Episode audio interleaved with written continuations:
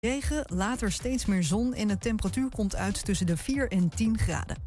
En tot zover het ANP-nieuws. Thema beveiliging staat voor betrokkenheid, adequate optreden en betrouwbaarheid. Waar de concurrent stopt, gaat thema beveiliging net een stap verder. Thema beveiliging levert alle vormen van beveiliging voor zowel de zakelijke als de particuliere markt. Thema beveiliging, de beveiligingsorganisatie van het Oosten. Telefoon 053 4800 560 of stuur uw e-mail naar info@themabeveiliging.nl.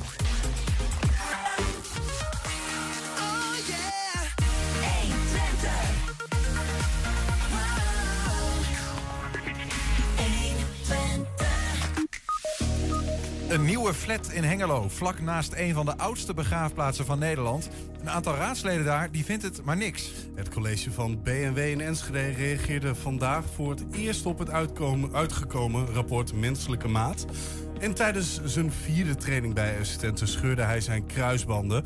Daarom staat het voetbalseizoen van Jody Lukoki vooral in het teken van revalidatie en Enschedeer Jeremy Alvoort en zijn team gaan ervoor. 500 kilometer fietsen in 24 uur om minimaal 7000 euro in te zamelen voor het Ronald McDonald's Kinderfonds. En dat alles met de kleine Guus in hun achterhoofd. Het is woensdag 24 november. Dit is 120 vandaag.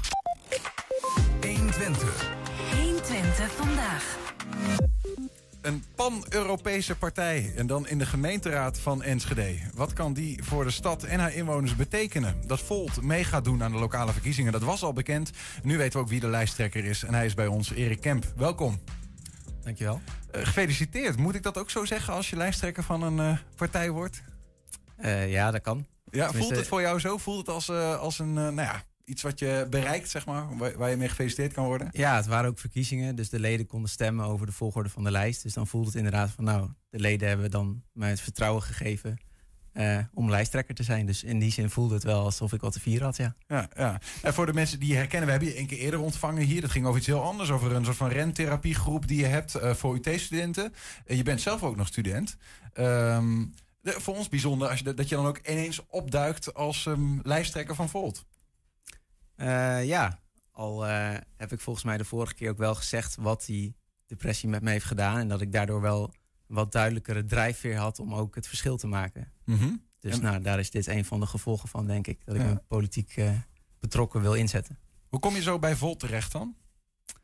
nou, ik vond de politiek al best wel lang interessant. Maar ik had me eigenlijk nooit echt bij een partij aangesloten. Omdat ik zoiets had van, ik wil eerst mijn eigen soort van prioriteiten duidelijk hebben... voordat ik echt onderdeel word van een partij.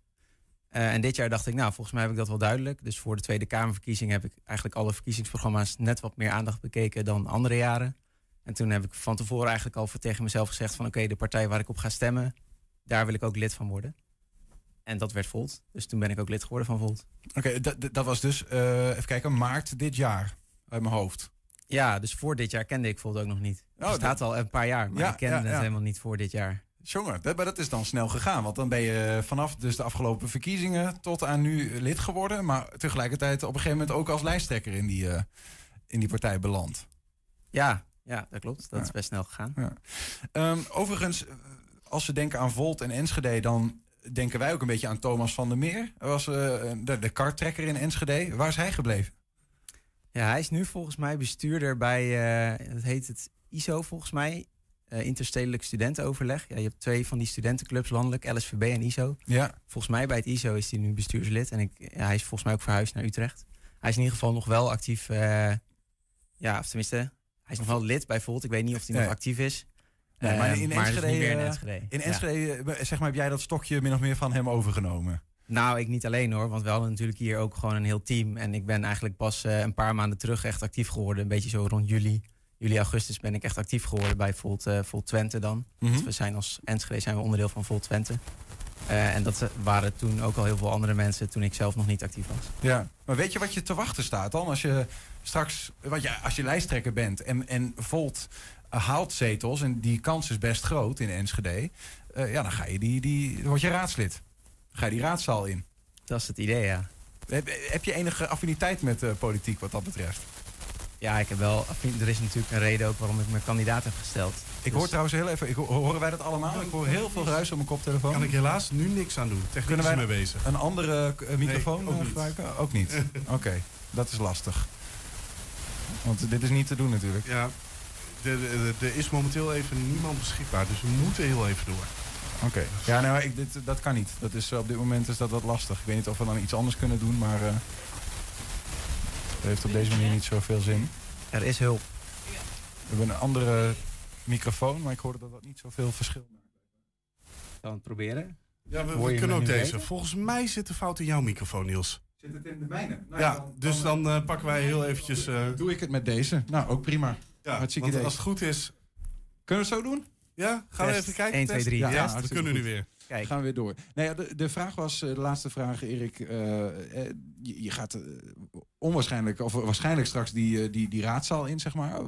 Heb je dan eh, enige affiniteit met politiek dat je weet wat je te wachten staat? Ja, uiteindelijk denk ik dat ook de reden nu waarom ik de politiek ben ingegaan is van ik kijk graag naar de wereld om me heen. En als ik iets zie waarvan ik denk dat kan beter, dan wil ik daar ook onderdeel van zijn. Van die verbetering, van die verandering. En ik denk dat de politiek echt beter kan, ook in Enschede.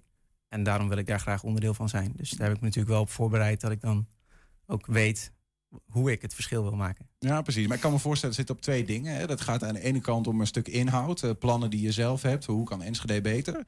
Aan de andere kant is, het is de politiek soms ook een, een spel. Een, een, een, die je moet, moet begrijpen, zeg maar. Heb je daar al enigszins zicht op van hoe dat werkt? Ik denk dat ik daar wel zicht op heb. Maar ik denk ook dat het inderdaad, je moet het spel begrijpen voordat je misschien eh, kan meespelen. Maar ik denk ook, je moet het spel begrijpen voordat je misschien ook de regels kunt veranderen. En soms vind ik het misschien te veel een spel. En eh, wat mij betreft eh, mag er best af en toe in het openbaar wat meer gesprek en discussie zijn. In plaats van, ja, laten we zeggen, niet in het openbaar. Ja, Dus ja, er is natuurlijk een manier waarop politiek nu bedreven wordt. Maar ik denk ook dat dat is ook een van de dingen van Volt. Van we willen meer ook transparantie binnen de overheid. En nou ja, daar moeten we dan zelf natuurlijk ook het goede voorbeeld in geven. En ja, Ja, precies. Het, Daar ga ik me wel voor inzetten. het onderhandelingsspel of wat dan ook mag ook wel eens wat meer aan de oppervlakte komen. En daar, daar ben je niet zo bang voor.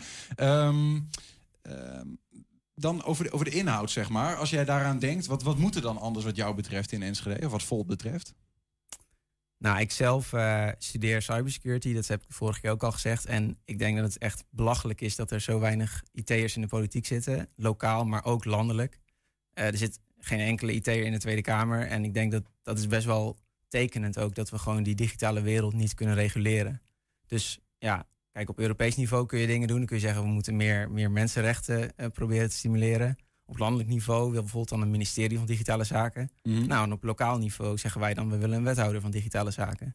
En dat ah, ja, allemaal gewoon met als doel van er moet gewoon meer digitale expertise komen. En daar ja, kan ik natuurlijk zelf ook aan bijdragen. Eh, waarom is dat op zo'n lokaal niveau dan belangrijk? Kun je ons eens een voorbeeld schetsen van dingen die we nu misschien missen in Enschede?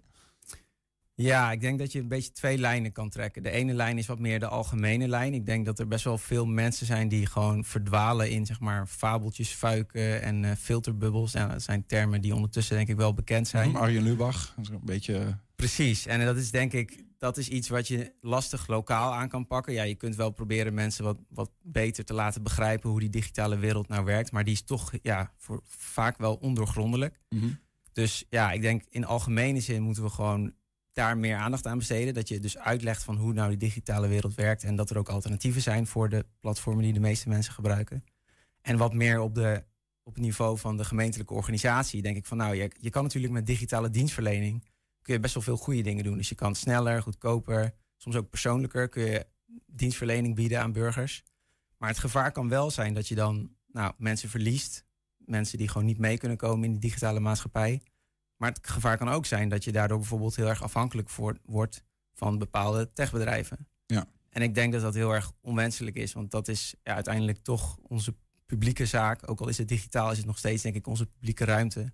Dan moeten, dan moeten de regels voor die publieke ruimte niet geschreven worden door bedrijven met commerciële belangen.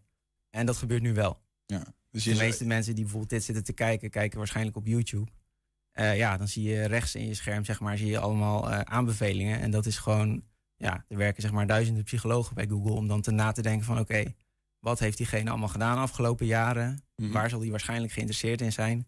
Ja, en dan word je zo beïnvloed dus om weer allerlei andere video's te gaan bekijken. Terwijl je Ja. ook gewoon je leven had kunnen leiden. Nou, daar, hebben we al, daar hebben we allemaal wel een goed beeld bij als je dat vertelt. Maar tegelijkertijd denk ik dan, eh, dat voelt voor mij heel erg als, als inderdaad een, een landelijk vraagstuk. Hè? Dus eh, op, op gemeentelijk niveau zeg je dus van eh, de Enschede als gemeente, eh, de communicatie vanuit de digitale middelen, daar zou je bijvoorbeeld ook als raadslid meer over willen zeggen. Ja, zeker. We hebben bijvoorbeeld ook in ons plan staan van nou, we vinden dat de gemeente eh, standaard eigenlijk bereid moet zijn om voor alle aanbestedingen die ze doen op digitaal gebied, dat ze meer bereid zijn te betalen voor open source oplossingen. Zodat je dus kunt zien, echt ook als burger, van oké, zitten daar nou algoritmen achter die mijn gegevens gebruiken? Of ja, hoe werkt nou een beetje die achterkant van die digitale dienstverlening? Hm. Dus ik denk juist ook op gemeentelijk niveau kun je daar echt het verschil in maken. En ook bijvoorbeeld met nou, mensen die er bewust voor kiezen van hé, hey, ik wil geen gebruik maken van WhatsApp, ik wil geen gebruik maken van Facebook. Ik denk dat het ook aan de gemeente is om dan ja, je daar sterk voor te maken dat die mensen ook mee kunnen draaien in de maatschappij. En dat betekent ook dat je in overleg moet gaan met sportverenigingen, cultuurverenigingen. Van hey, wees je ervan bewust dat er alternatieven zijn. Dat, zal, dat is misschien al een eerste stap. En dan kun je als gemeente nog een stap verder gaan door te zeggen: wij stimuleren en ondersteunen je er ook bij als je zeg maar ja, van die afhankelijkheid van die soort van standaard eh, oplossingen af wil. Af wil, ja. ja.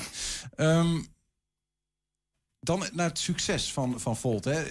In de afgelopen eh, landelijke verkiezingen kreeg Volt 4% van de stemmen ongeveer in Enschede. Omgerekend, stel dat dat aankomende gemeenteraadsverkiezingen weer het geval is, eh, is dat zeker meerdere zetels. Hoe kan dat eigenlijk? Heb je daar een idee bij? Hoe kan het dat Volt eh, stemmen krijgt, je? in Enschede. Dat het zo, want we zien die, die, die stemmen vooral ook bij studenten. Het is een relatief nieuwe partij. Wat is jouw verklaring voor dat succes? Je hebt er zelf op gestemd, zeg je? Ja, nou ja, ik zocht gewoon naar een partij waarbij digitaal en, en klimaatcrisis zeg maar twee van de hoofdonderwerpen waren. Anders viel de partij voor mij sowieso al af. En dat vond ik bij Volt. En, Eh, en blijkbaar veel meer. eh, en mensen blijkbaar van jouw meer leeftijd mensen. ook. Ja, en, en ik denk ook wel, het, het, het positieve verhaal spreekt ook mensen aan. Ik vind een van de mooiste dingen van Volt, vind ik ook dat ze nou, een, een idee hebben van Europese samenwerking. En dat gaat dan meer over een stukje verbeeldingskracht. Van dat je in ieder geval je voor kunt stellen hoe de samenleving er ook uit zou kunnen zien. Of in dit geval hoe de samenwerking binnen Europa eruit zou kunnen zien. Mhm. En ik denk dat mist vaak wel in de politiek. Dat je alleen maar aan het kijken bent van nou, eh, er is een incident gebeurd. Oh, wat gaan we daarmee doen? En juist dat stukje visie, eh, dat spreekt mij heel erg aan in Volt. Dat, dat, dat er dus blijkbaar ook, nou, dat weet ik nu, dat er veel mensen zitten die ook durven ja, na te denken van hey, kan het ook anders? En hoe kunnen we daar, kunnen we ons daar iets bij voorstellen hoe het anders zou kunnen? Noem eens, eh, probeer ons eens mee te nemen dan in die visie, in die dromen die Volt heeft. En dan probeer ook zijn Enschede daarin te betrekken.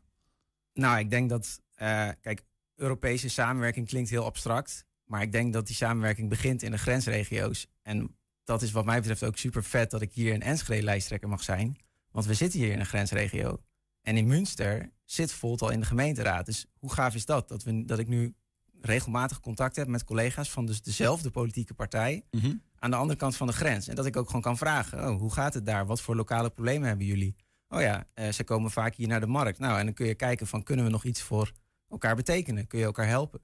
En, en zij zijn bijvoorbeeld heel erg eh, jaloers op die fiets, fietssnelwegen hier. Dus nou, zo kunnen wij leren, of zo kan Münster leren van ons. Om, om de fietssnelweg F35 gewoon door te trekken naar Münster, bij wijze van. Precies. Terwijl in Münster lukt het ze bijvoorbeeld heel goed om mensen die daarheen komen om te studeren, om die, die ook in de stad te behouden. Omdat het toch denk ik een, een bruisendere stad is. Eh, en daar kunnen we in Enschede dan misschien weer van leren van hoe kunnen we nou die studenten die hier komen voor de studie hier houden. Dus ik denk in dat opzicht ja, kun je gewoon heel veel van elkaar leren. Is dat ook echt anders dan eh, bijvoorbeeld een GroenLinks? eh wat je, ik bedoel, je hebt natuurlijk ook wel andere partijen die eh, een beetje op Volt lijken, maar die, die bijvoorbeeld ook, ook in het buitenland gewoon een soort van evenknieën hebben, die erop lijkt, die Groenen of wat dan ook, weet je wel.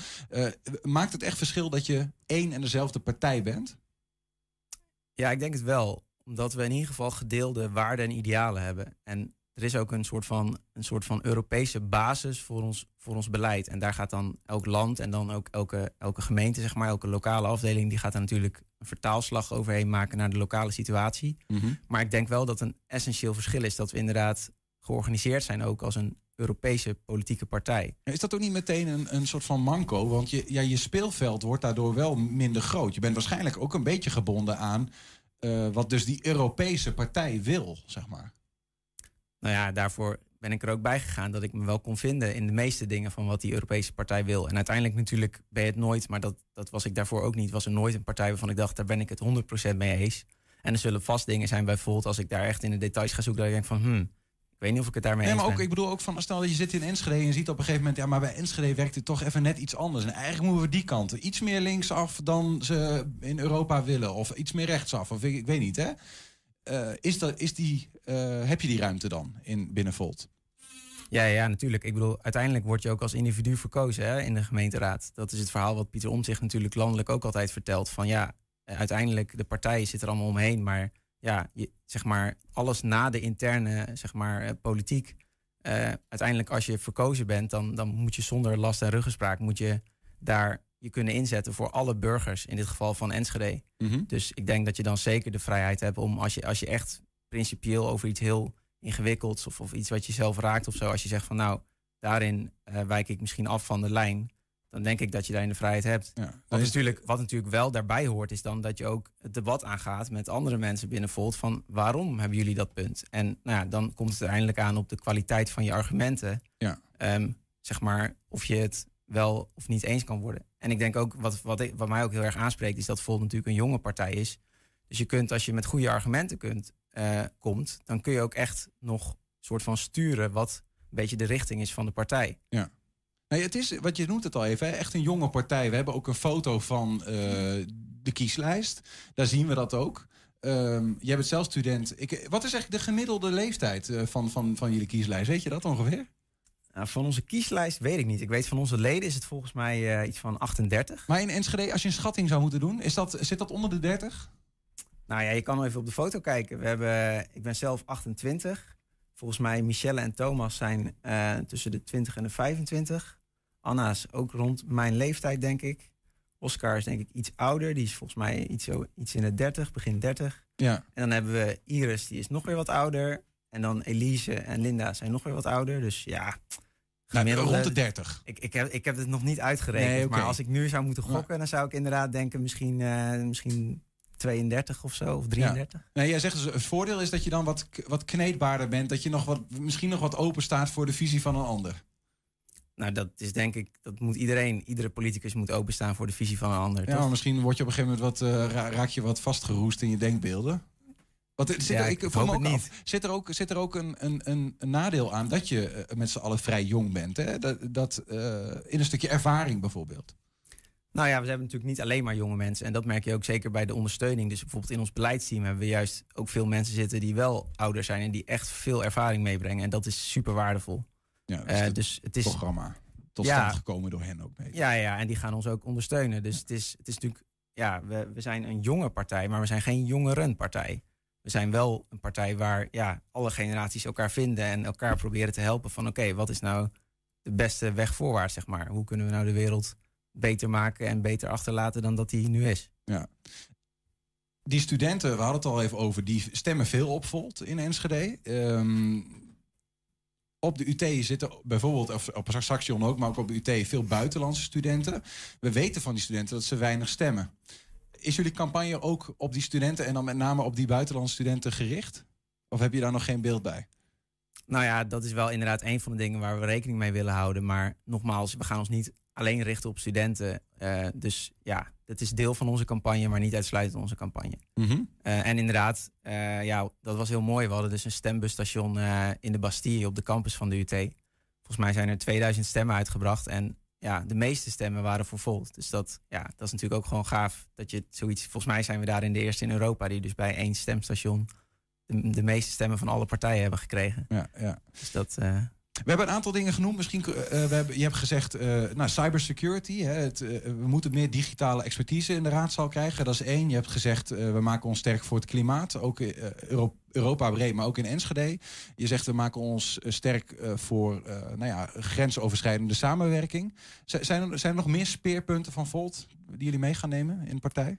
Ja, nou, we hadden het net al over de leeftijd. Een van de dingen is natuurlijk ook dat we een nieuwe generatie in de politiek willen hebben. En ook, ik denk, een nieuwe generatie kiezers aanspreken met onze focus. Dus dat is zeker ook een punt, nieuwe generatie in de politiek. Ja. Nou, ja, en daarnaast wat je net zei, die, die Europese samenwerking, ja, dat, daar komt ook uit voort, denk ik, dat we niet alleen maar misschien eh, binnen Volt willen samenwerken, maar überhaupt openstaan voor samenwerking. Dus dat positieve verhaal ook van, ja, je kun je wel heel erg gaan afzetten tegen iedereen. Maar ik vind het zelf ook juist wel mooi dat, dat je ook bijvoorbeeld kan kijken van, nou, wat zijn nou goede ideeën van andere partijen? En als ze dat gewoon goed kunnen onderbouwen, dan zal ik daar ook gewoon voor stemmen. Ik heb, ja, ik heb zoiets van, uiteindelijk eh, gaat het om de inhoud. En uh, ja, ik denk dat Volt daar ook voor staat. Dat we meer zijn gericht op daadwerkelijk wat bereiken en samenwerken en een verbinding zoeken met anderen. En iets minder misschien uh, anderen zwart maken of je echt heel erg zeg maar, fel afzetten tegen anderen. Ja, samenwerken is het, het credo. Ja. Um, de campagne is officieel begonnen. Uh, in ieder geval, je zit hier en dat zal de komende tijd waarschijnlijk nog wel op meer plekken worden waar jullie je gezicht gaan laten zien. Als je een schatting zou moeten doen, hè, je wil de jongeren naar de stembus krijgen, die studenten van de UT, misschien ook de buitenlandse studenten, ouderen daarbij. Hoeveel zetels gaat Volt halen in Enschede, wat jou betreft? Nou, wat jou betreft, hoeveel schat je? hoeveel schat ik? Ja, dat is wel, dat is wel heel moeilijk. Ik denk dat, uh, nou, landelijk hadden we er uh, hadden we drie zetels van de 150. Nou, je noemde net al, uh, met wat er hier in de Tweede Kamerverkiezingen gestemd is, moeten we hier ook wel zetels kunnen halen. Ik denk dat drie zetels, dat moet lukken. Maar ik heb ook gesproken met mensen op de lijst die op plek 4 en 5 en 6 en 7 en 8 staan. En, ja, die denken wil, allemaal dat ze erin komen. Iedereen wil natuurlijk graag ja. in de raad. Dus uiteindelijk is het ook ja, dat is aan, aan de stemmers. Van hebben we een goed verhaal? Ja, dan, dan hopen we dat mensen op ons stemmen. En dat, uh, dat gaat helemaal afhangen van ook ja, wat, of mensen zich ook kunnen vinden in ja, de politiek die wij voorstaan. Yes, duidelijk. Nou, ik hoop dat we ze daar iets meer hebben onderwezen met dit gesprek, Erik. En uh, dankjewel voor je komst. Succes met de campagne. En wie weet dan binnenkort een keer tot, tot, tot ziens als raadslid voor Volt in Enschede. Ja, bedankt voor de uitnodiging. Ik kom graag nog een keer terug. Zometeen, hoe reageert het college van Enschede op het uitgekomen rapport Menselijke Maat? En we zijn ook als podcast te luisteren via alle bekende platforms. Je vindt daar de hele uitzendingen en elke dag één item uitgelicht. 120. 120 vandaag. Ja, vanavond buigt de Hengeloze gemeenteraad zich over de bouw van een 40 meter hoge woontoren in het centrum van de stad. De flat komt te staan vlak naast een van de oudste begraafplaatsen van Nederland. En dat schiet bij landelijke en lokale erfgoedcommissies in een verkeerde keelgat. Een aantal Hengeloze raadsleden komt met een motie om de flat op een andere plek te krijgen. Hier wordt een heel grote woontoren neergezet van 40 meter hoog.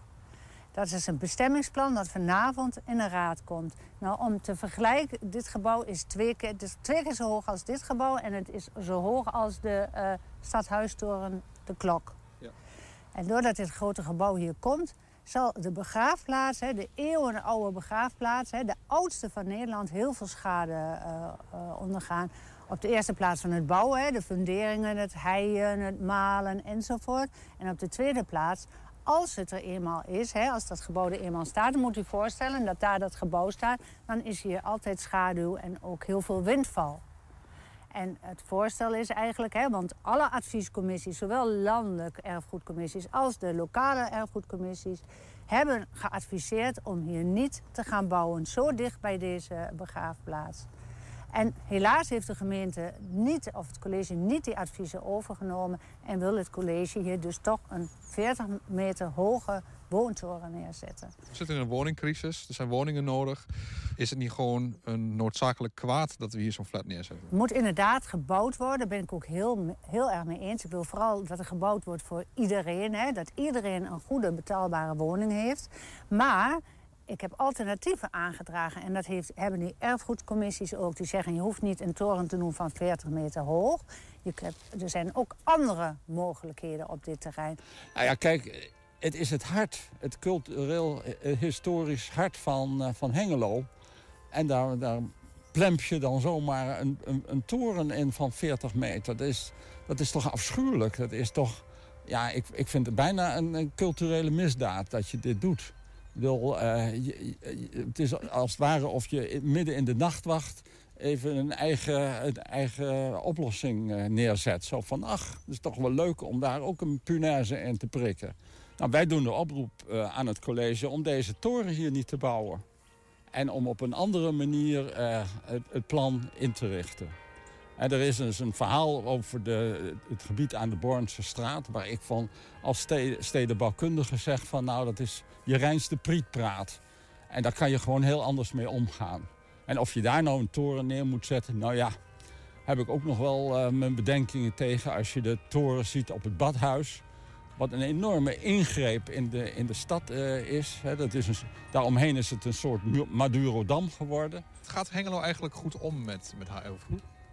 Nou, eh, wij vinden van niet. Wij vinden dat er eigenlijk te veel klachten zijn. We hebben bezwaar gemaakt tegen het eh, slopen van de, de Hofstede MTS. Dat loopt ook al tien jaar trouwens, dat, eh, dat hele verhaal.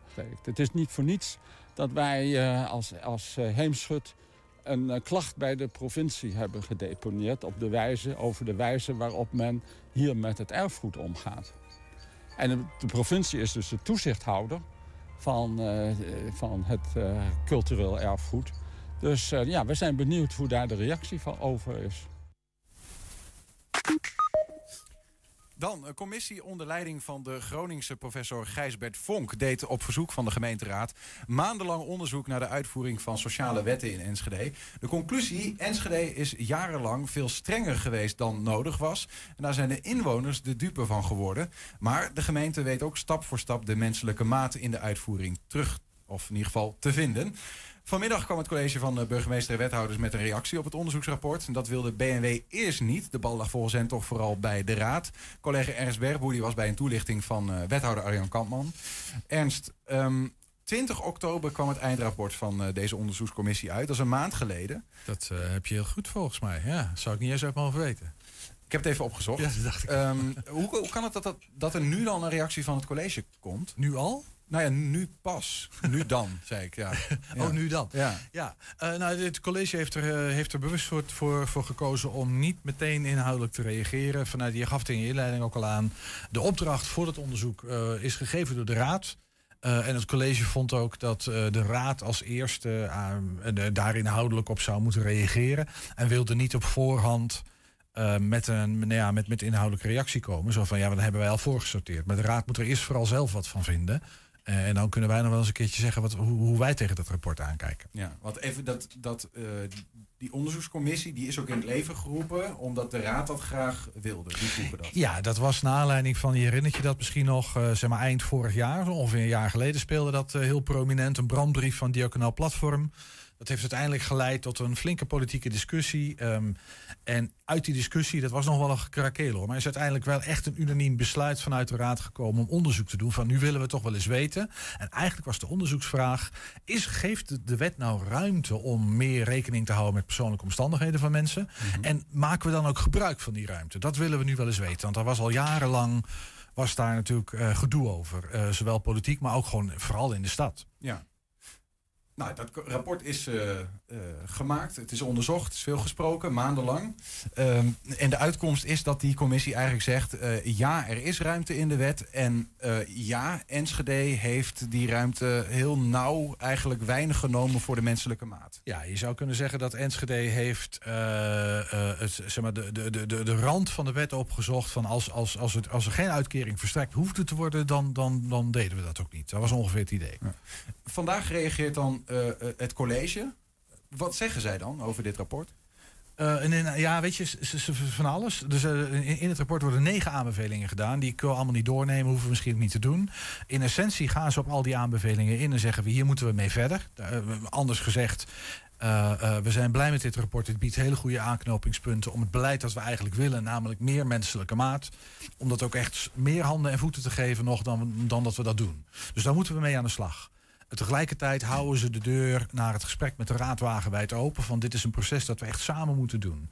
En eigenlijk ook een beetje vanuit de gedachte. In het verleden hebben we samen dat hele strenge beleid vormgegeven. Mm-hmm. Dat is natuurlijk een democratisch proces geweest. Hè. Daar heeft de hele raad bij gezeten, heeft gestemd, voorgestemd uh, voor, voor dat strenge beleid. Het college heeft het uitgevoerd. Nu zitten we hier op dit punt in de geschiedenis zeg maar, van onze stad.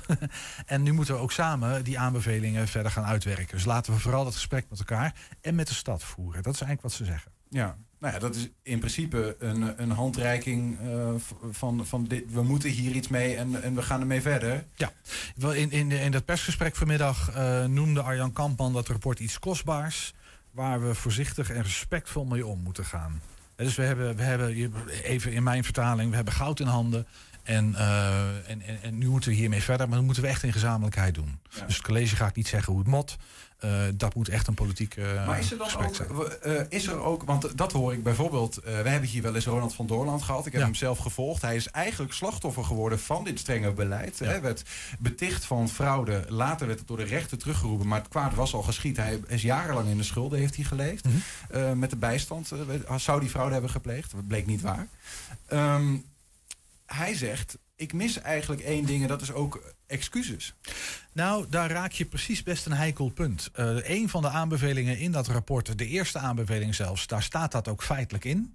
Van erken dat dat beleid streng was. Erken dat het eh, negatief effect heeft gehad op inwoners. En dan pas kun je verder. Eh, maar die vraag van, van excuses, we hebben dat van- van- vanochtend, van- vanmiddag was het, ook aan Arjen Kampman eh, gevraagd. Van joh, hoe zit dat nou?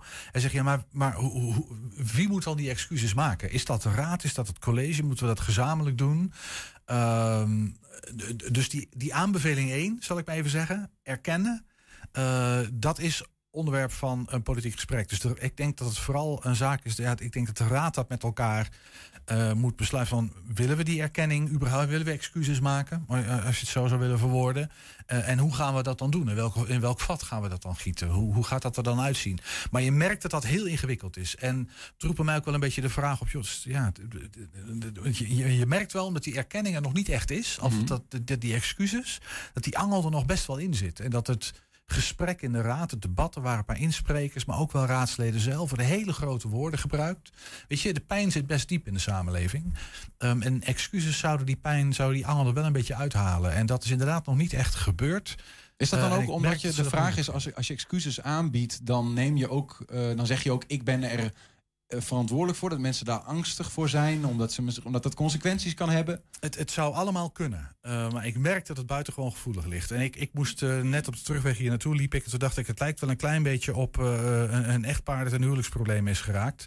En, en, en die man heeft lullige dingen gedaan. En die, en die, die blijft maar een beetje duiken. Zegt van ja, maar de omstandigheden en dit, weet je. En die, die vrouw die wordt op een gegeven moment nijdig. En misschien ook wel een beetje onredelijk. Mhm. Maar die gaat vervelend doen. Ja. Nou, in, in, in, dat is in elke relatie werkt dat niet lekker. Uh, en dat is ook in de relatie overheid-burger werkt dat niet lekker. En het openbaar bestuur in het algemeen vindt het in heel Nederland heel erg moeilijk om sorry te zeggen. En natuurlijk heeft dat te maken met misschien politieke consequenties, misschien financiële gevolgen, weet je. Dat speelt allemaal mee.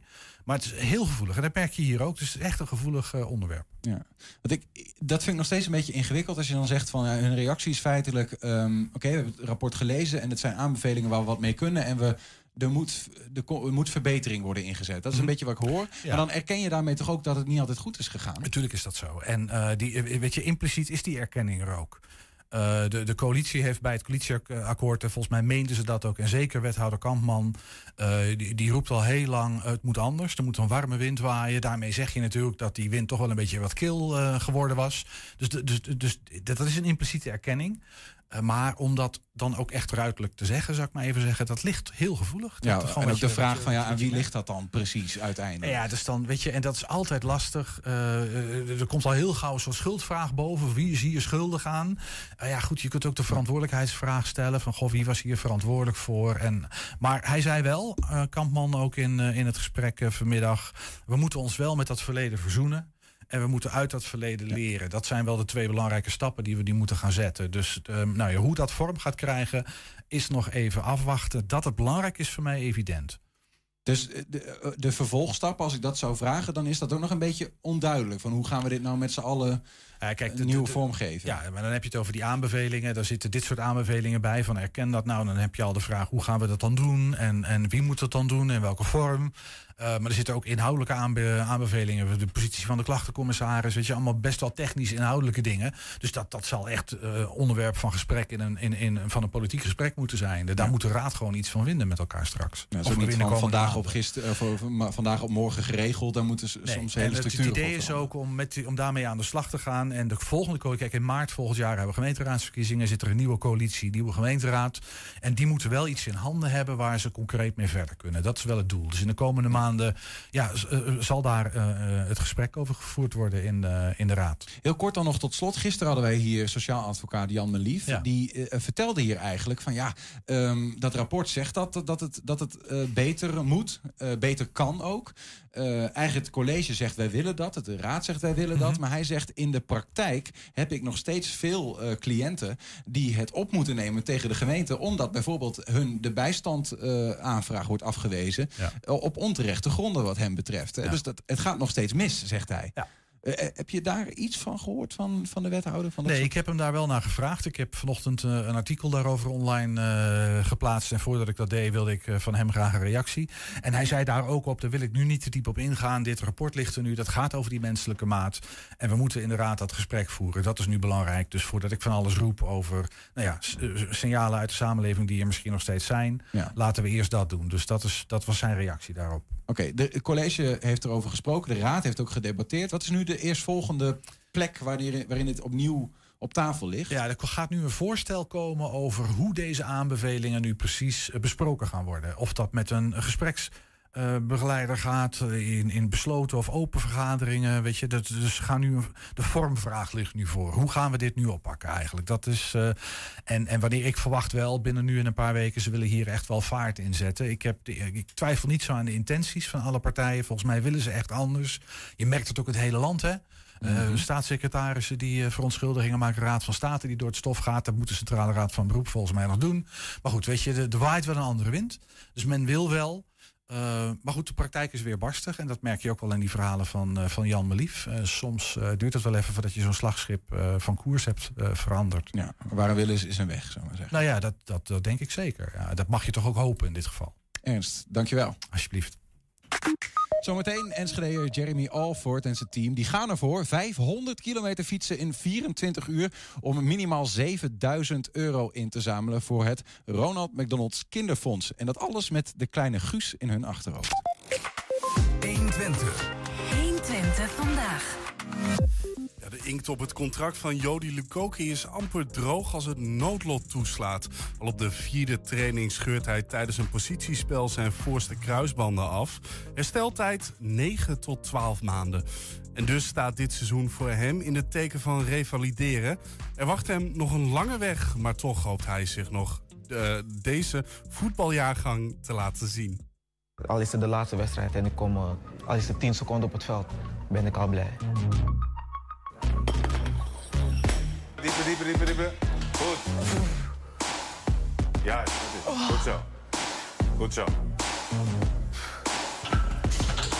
Het is wel een moeilijk moment, ja. Ik kom nieuw, eh, nieuw bij de club en eh, ja, er zijn wel eh, bepaalde verwachtingen.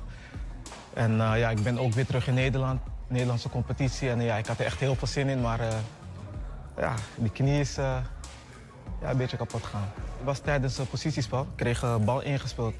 En ik wou zeg maar zo opendraaien en toen eh, ja, klapte mijn knie naar binnen.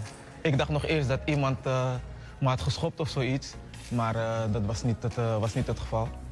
En eh, ja, ik probeerde nog even door te trainen, maar het ging niet. En eh, ik had opeens veel vocht in mijn knie.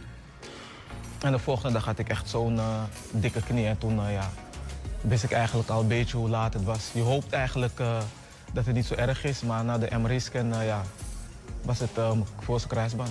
Ja, ik ben in het ziekenhuis en eh, ja, die zei dan dat het 9 tot 12 maanden duurt, revalidatie. Ja, dat is wel even schrikken, ja. Het krijgen van een voorste kruisbandblessure in het geval van Jody... dat is natuurlijk wel een behoorlijke impact op de carrière van een voetballer. En dat brengt natuurlijk de nodige emoties met zich mee, vraagstukken. Ja, volgens mij werd ik misselijk. volgens mij werd ik een beetje misselijk, denk ik. Uh, ja, het kwam wel echt hard aan. Zeker met dit soort uh, langdurige blessures weet je gewoon dat uh, mentaliteit en de, de, de, psychologie daar wel een rol in gaan spelen. En dat, dat, dat, weten we en dat, dat zijn wel aspecten die je moet gaan meenemen in het revalidatietraject. Ik had er wel echt moeite mee om, ja, om die knop om te zetten. Want ja, van nature van mezelf hou ik niet echt van, van de gym, al die dingetjes. En, maar uiteindelijk moet je dan, als je gaat revalideren, bij de 24-7, zeg maar. En uh, ja, ik moest echt uh, die knop omzetten. Met behulp van Ralf wel, moet ik zeggen. Hij heeft me wel echt eh, laten beseffen dat, eh, dat het aan mezelf ligt. Hoe harder ik werk, hoe sneller het gaat. En als ik eh, met de pet naar gooi, dat, dan eh, duurt het alsmaar langer.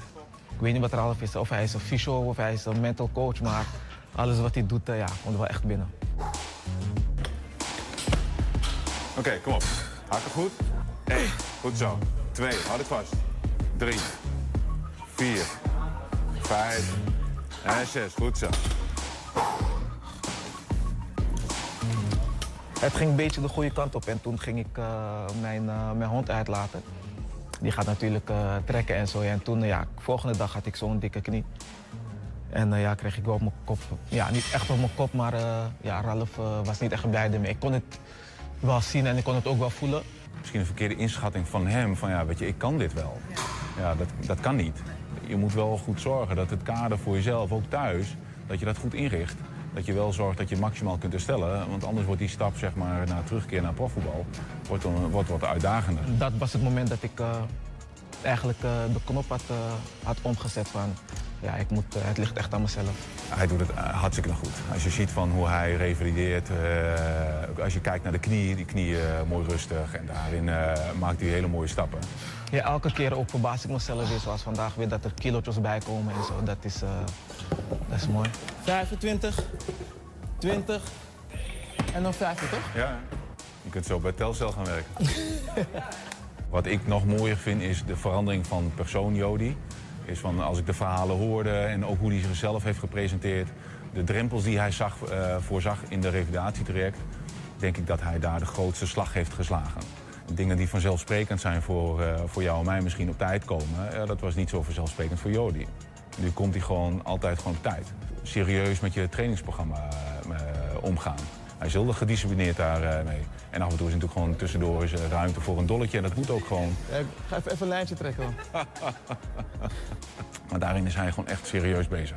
En heeft hij wel voor ogen van oké, ik wil terugkeren en daar moet ik hard voor werken.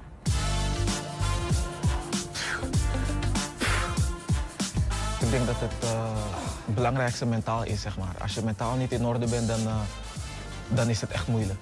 Zolang het goed gaat en je merkt van ja, elke oefening die je doet, dat je dan stappen vooruit kan maken. Dat geeft eh, ook vertrouwen, zeg maar. Maar mentaal blijft het wel moeilijk, want eh, je voelt zeg maar ook en je wilt zeg maar meer, maar je weet dat het niet kan. We zien eh, eh, veel eh, andere voetballers, van de vrouwen en, en van de mannen. De afgelopen maanden was hij natuurlijk ook Vacilav Czerny. Voor hem is het al, al de tweede De keer tweede dat keer, hij dat hele proces door moet. Wat heb jij dan bijvoorbeeld aan hem? Ja, ik zeg eerlijk, ik had echt heel veel aan hem. Want toen ik hier binnenkwam en ik zag hoe hij trainde, ik dacht echt van... pff, deze gast is een, is een machine. Is een machine. En op een gegeven moment, hij zei elke keer van binnenkort doe jij het ook. Ja, maar ik geloofde het niet. Ik dacht van ja, wat jij doet, eh, dat, eh, dat, eh, dat kan ik echt niet. Hij zei, geloof mij broer, binnenkort kan jij het ook. Ja, toen ik Vaslav dit zag doen, ik dacht echt van, hoe doet hij dit man? Ja, echt. En als je nu zelf doet, Ja, denk ik ook van ja, hoe kan ik dit doen? je kunt meer dan je zelf af en toe denkt. Ja. Ik ben nog niet waar hij is of wat hij deed, maar ik kom wel eh, aardig in de buurt. Je bent de hele week hier, dus fysiek ben je dan op afstand van de rest van het team. En, Ja. en je was er natuurlijk nog maar net. Dus hoe hou jij wel die connectie met de andere jongens? Ja, ik ga wel eh, ja, één of twee keer per week ga ik wel gewoon eh, langs, langs de club. En dan ben ik gewoon bij de jongens, ga ik even wat, wat eten ook. En ja, zo hou je wel een beetje connectie met, met de jongens. En ja, ik moet, ik moet wel eerlijk zeggen, de jongens zijn wel echt betrokken, weet je. En eh, ze zijn ook altijd blij wanneer ze me zien. Ze vragen ook van hoe gaat het met je en al die dingetjes. Dat is wel, eh, dat is wel mooi. Is het ook wel eens lastig? Ja, ik denk dat het lastiger zou zijn als ik elke dag op de club zou zijn en ik die jongens naar buiten zie gaan.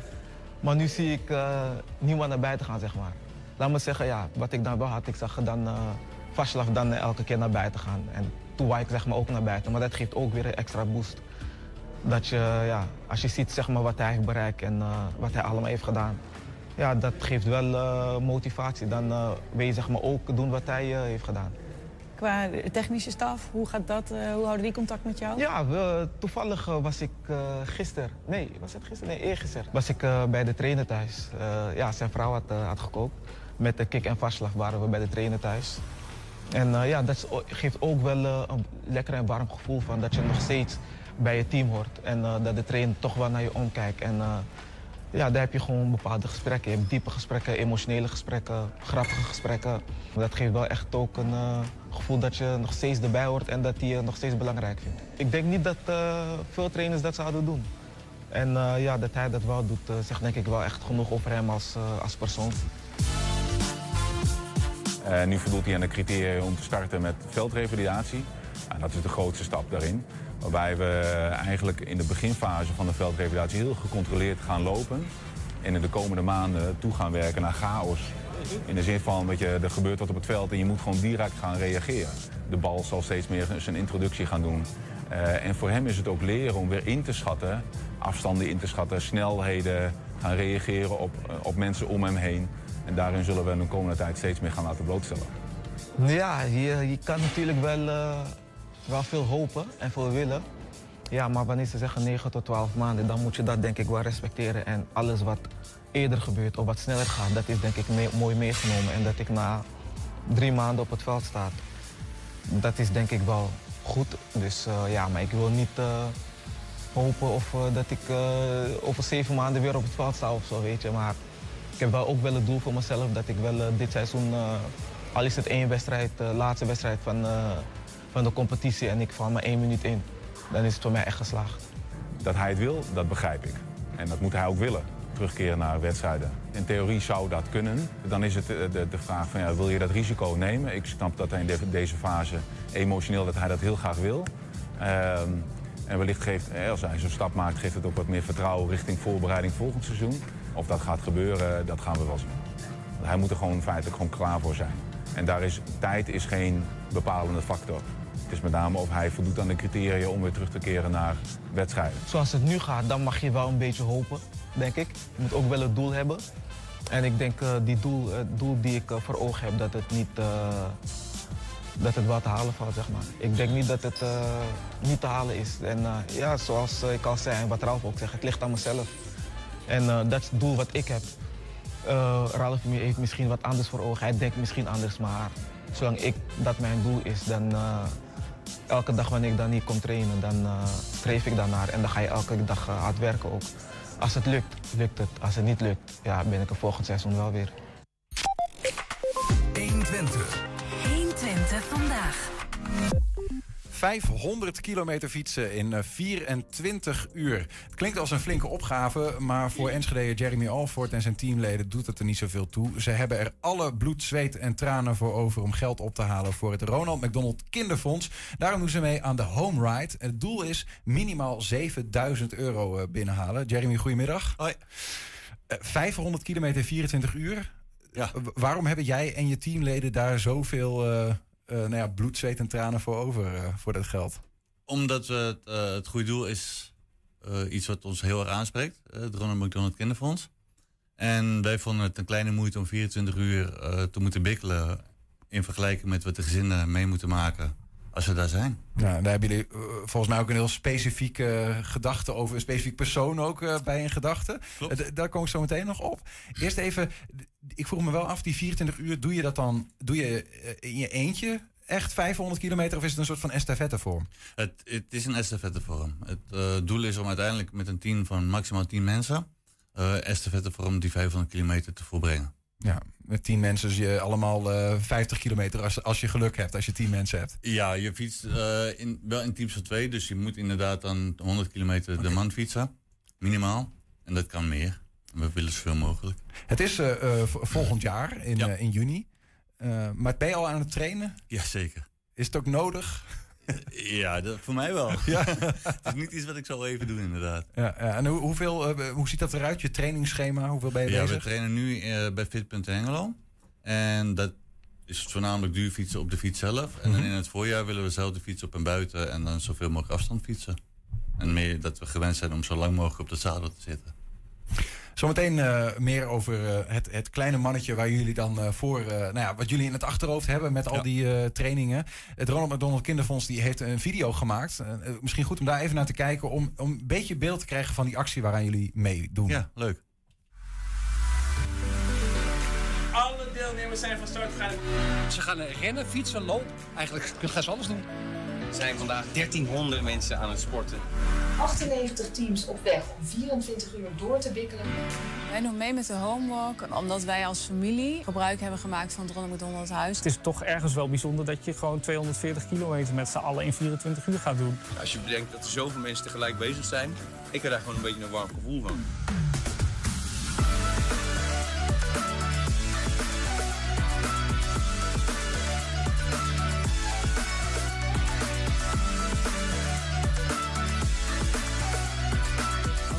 Denken wij, dit hebben ze even gedaan.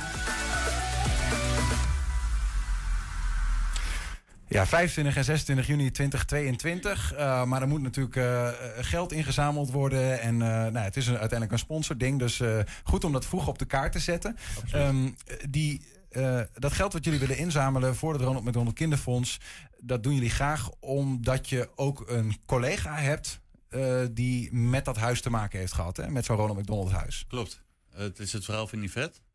Uh, Yvette heeft een zoontje Guus. Guus is 13 weken te vroeg geboren. En Yvette heeft daardoor vijf weken in het Ronald McDonald huis in Zwolle kunnen blijven om dicht bij Guus te zijn. Dat was 2016.